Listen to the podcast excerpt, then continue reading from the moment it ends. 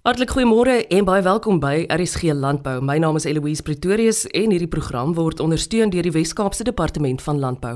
Dekaan van die fakulteit Agriwetenskappe by die Universiteit Stellenbosch, professor Dani Brink sluit vanoggend by ons aan om meer te vertel oor die nuwe skool vir klimaatstudies aan die universiteit.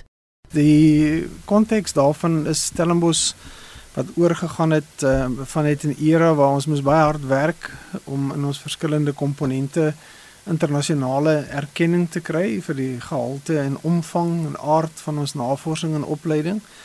En ons gewerk het onder 'n, jy weet, 'n tema van uitnemendheid wat so 5 jaar terug die universiteit se doelstelling daarmee gewysig het na gesê het goed nou gaan ons kyk na navorsing. Ons het nou daai internasionale doelstellings bereik. Die universiteit uh, word erken as so in die top 300 in die wêreld. Ons fakulteit so in die top 50 in die wêreld en gesê nou gaan ons ons doelstelling verander deur te kyk wat is die impak van ons navorsing. En in die proses het die universiteit ook um, begin eksperimenteer met die konsep van die daarstelling van 'n skool wat ehm um, die meer interdissiplinêre aard en werking van 'n universiteit makliker maak want hierdie nuwe soort tegnologie en kundigheidsvelde pas nie altyd in die ou klassieke struktuur en tekstuur nie en om dit meer vlugvoetig en uh aanpasbaar te maak word baie van dit so gefokus uh, rondom 'n skool. En dit het natuurlik nie lank gevat vir die universiteit om ook die klimaatsuitdagings wat klimaatsverandering ook insluit um, om kundigheid daar rondom te ontwikkel nie. Dit was gefragmenteer tussen die biologiese wetenskappe, die ingenieurswetenskappe, rondom energie veral hernubare energie, die ekonomie wat gekyk het rondom die uitvoerbaarheid van hierdie onderneming. So reg deur die universiteit het daar baie velde rondom klimaatsverandering 'n klomp geïsoleerde kundigheidspoele ontwikkel wat die universiteit graag wou saamvoeg onder die vaandel van die skool op 'n meer geïntegreerde wyse. En dan is die universiteit ook van voorneme om sterk te investeer saam met eksterne vennote om die soort kundigheid te ontwikkel om nie net uh klimaatsverandering te kan notuleer nie. Ehm um, maar ook om dit in diepte te kan verstaan dat 'n mens ook met groot holistiese oplossings voor 'n dag kan kom, ook die wat op grondvlak op operasionele vlak in ons daaglikse handel en wandel toepassing kan vind. En Dr. Guy Mitchley is onlangs aangestel as die eerste intredende direkteur van die skool vir uh, klimaatstudies. Uh, om dan ook um, in die vormingsjare van daai skool jy's leiding te neem. En ons is baie bevoorreg met uh, professor Mitchley.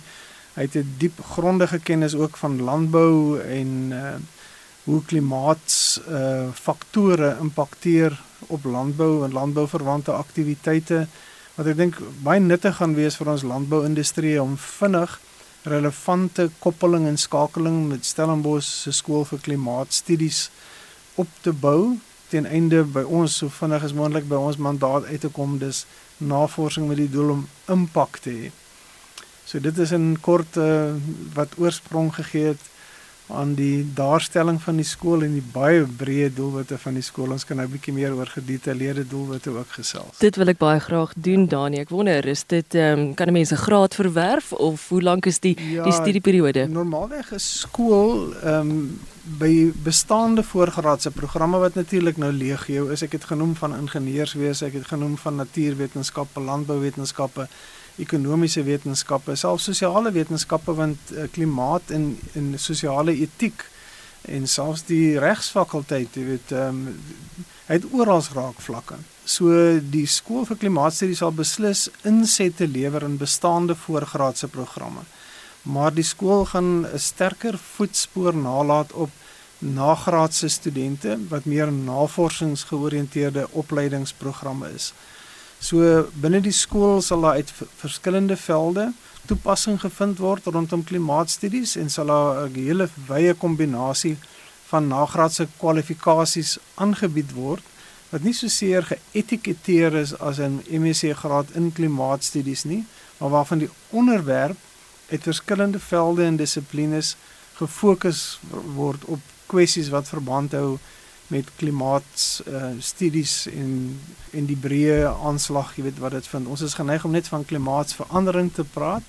Die universiteit het ook gekies om die skool te noem die skool vir klimaatstudies om die onderliggende verstaan, die voorspellingsmodelle verder die akkuraatheid daarvan te ontwikkel, maar dan ook veral om die volgende tree te gee om te sê hoe pas ons ons leefstyl, ons doelwitte en ons tegnologie aan om om daarmee te kan tred hou en ook om die die tempo van verandering in die rigting van verandering te kan bepaal. Dis uiteraard baie belangrik ja. ook, jy weet. So so skooliere kan gemaklik wees om deur 'n normale voorgraadse program te gaan in 'n vakgebied, 'n breë vakgebied van hulle keuse of voorkeur of het, ek sê weer of dit 'n ingenieurswese of ekonomiese bestuurswetenskappe is en dan hulle sal toenemend blootstelling kry, jy weet, aan klimaatsvraagstukke en dan veral op nagraadse vak vanuit 'n gevorderde dissipline sê wat se bydrae kan ek maak en hoe kan ek myself professioneel bekwam om in daai veld ook ehm um, weet nie net 'n loopbaan te ontwikkel nie maar 'n verskil te maak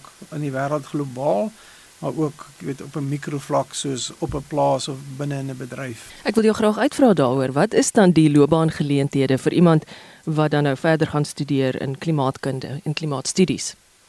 Ek dink die eerste generasie loopbaangeleenthede het baie gegaan rondom die voorspellingsmodellering en daar's groot kapasiteit daarvoor reeds ontwikkel wêreldwyd in Suid-Afrika vorm baie belangrike deel van sodanige netwerke uit wat veral kyk hoe kan ons die modellering en die voorspellingsmodelle meer relevant en akkuraat maak.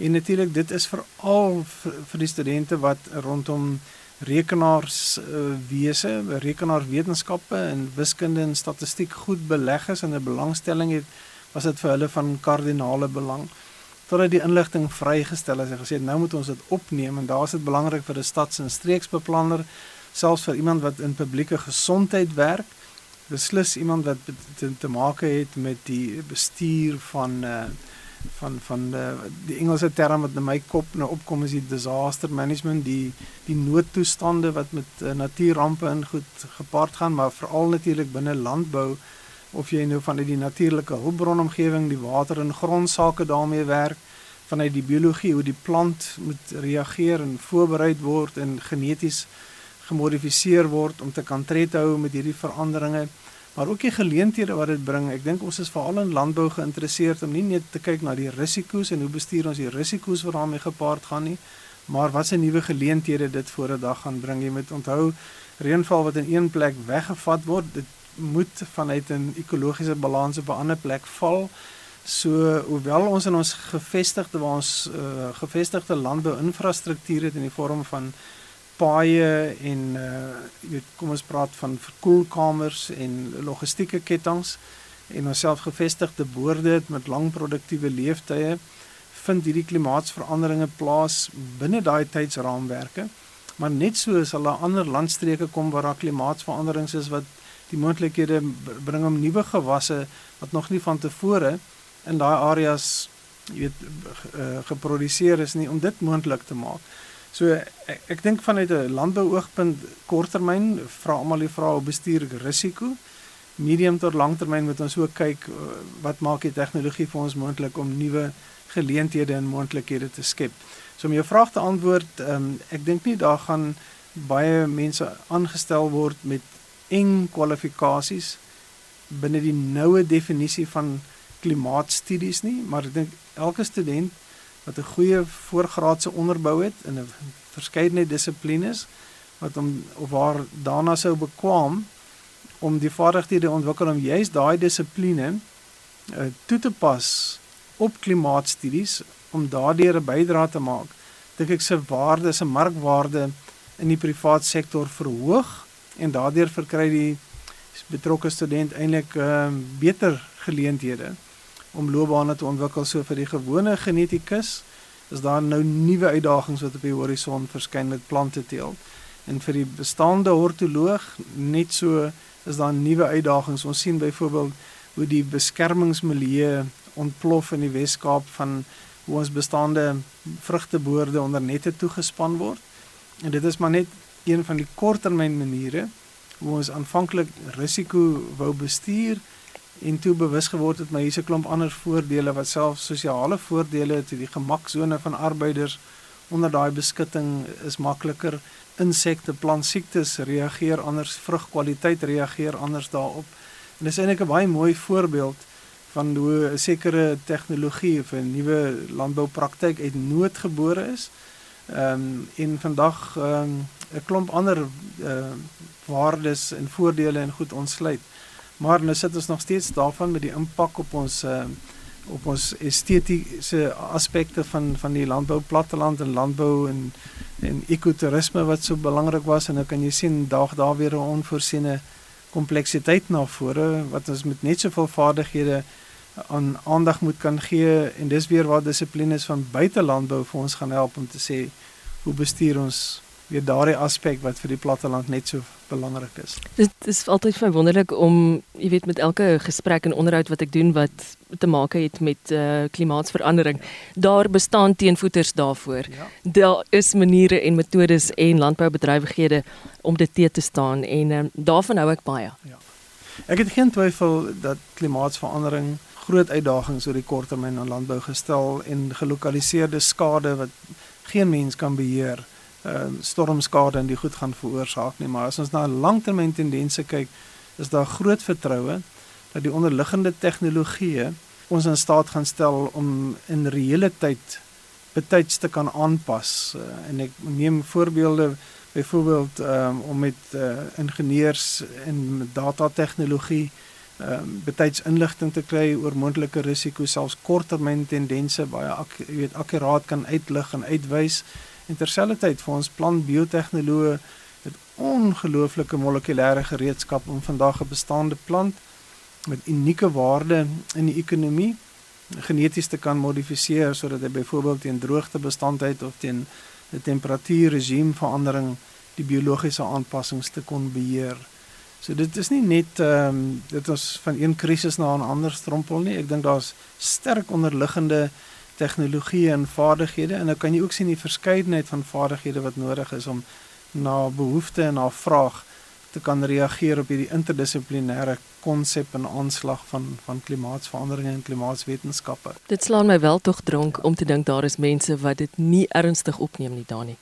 Ja, ek ek dink ehm um, weet vir die vandag se moderne samelewing word eintlik gedomeineer op polities, ekonomiese en leefstyl vlak deur mense wat in stede lewe en uh, wat beide hulle omgewings die sosiale, finansiële en selfs uit 'n ekosisteem oogpunt of dit is met 'n ligreëlaar, jy weet by die huis of dit is ondervloerse verhitting of uh, verskillende ontwerps, jy weet tegnologieë hulle beheer hulle lewe tot 'n baie groter mate. As as jy net uittreë en na die primêre kant kyk van 'n landbouwaardeketting dan ewe skielik is jy werklik uitgelewer op skaal aan die geweldige wisselende werking van 'n natuurlike ekosisteem. En ek dink dis 'n bietjie anders vir die stedeling wat gebuffer is teen hierdie goed teenoor die landboupraktisyn wat elke oggend opstaan en met 'n mate van dankbaarheid en angstigheid uh, hierdie uitdagings uh jy weet moet uh, in die gesig staar. Verduidelik tog aan my die toelatingsvereistes. Weereens soos ek sê die die voorgraadse programme wat nagraads toepassing gaan vind binne klimaatstudies gaan legio wees van 'n BA graad met sosiologie wat juis gaan wat ons nou net oor gepraat het hoe verander jy mense se gedrag hoe verbeter jy bewustheid het heeltemal ander toelatingsvereistes as iemand met aktuariële wetenskappe wat op gevorderde statistieke vlak met wiskundige vaardighede um, aan hierdie voorspellingsmodelle moet kan aandag gee. So ek wil my verstout om te sê die die toelatingsvereistes vir daai verskeidenheid programme van BA, BC, BCom tot by ingenieurswese is die bekende van vandag. Ek dink op nagraadse vlak gaan daar oor die korttermyn baie klem ge, gelê word op data gedrewe tegnologieë wat veral hoë vereistes gaan stel rondom wiskundige vaardighede terwyl in reaksie weet op daardie voorspellingsmodelle dan weer op die molekulêre biologie vlak weer eens aanspraak gemaak gaan word op studente wat goeie vaardighede het, goeie opleiding het om aan op molekulêre hoë vlakke van biologiese vaardighede aan die goed aandag te kan gee. En jy kan uit my gesprek uit aflei ons soek eh, studente wat uitnemende vaardighede in skaars milieus het. Uh, en ons moet hulle betrokke kry weet by die proses terselfdertyd met daai uh, kundigheid wat daai uh die topstudente en professionele praktisyns ontwikkel moet vermenigvuldig word wanneer ons dit wil gaan toepas. So dit moet op 'n verstaanbare manier wat belangstelling wek oorgedra word aan die algemene landboubestuurder, die algemene landboupraktisyn wat dan sy bydrae moet lewer om daai tegnologie te gaan toepas. So daar's vir elke iemand op die speelveld 'n plek om betrokke te raak. Maar as ons kom by die skool vir klimaatstudies, dis 'n baie pertinente plek vir studente met hoë vaardighede in die datawetenskappe, uitnemende vaardighede in die biologiese wetenskappe om hierdie uitdagings se hoof te doen. Dekaan van die fakulteit Agriwetenskappe by die Universiteit Stellenbosch, professor Dani Brink. Vind die program op www.elsenburg.com en onthou om môre om 12:15 weer by my aan te sluit vir RSG Landbou. Ek is Eloise Pretorius. Totsiens.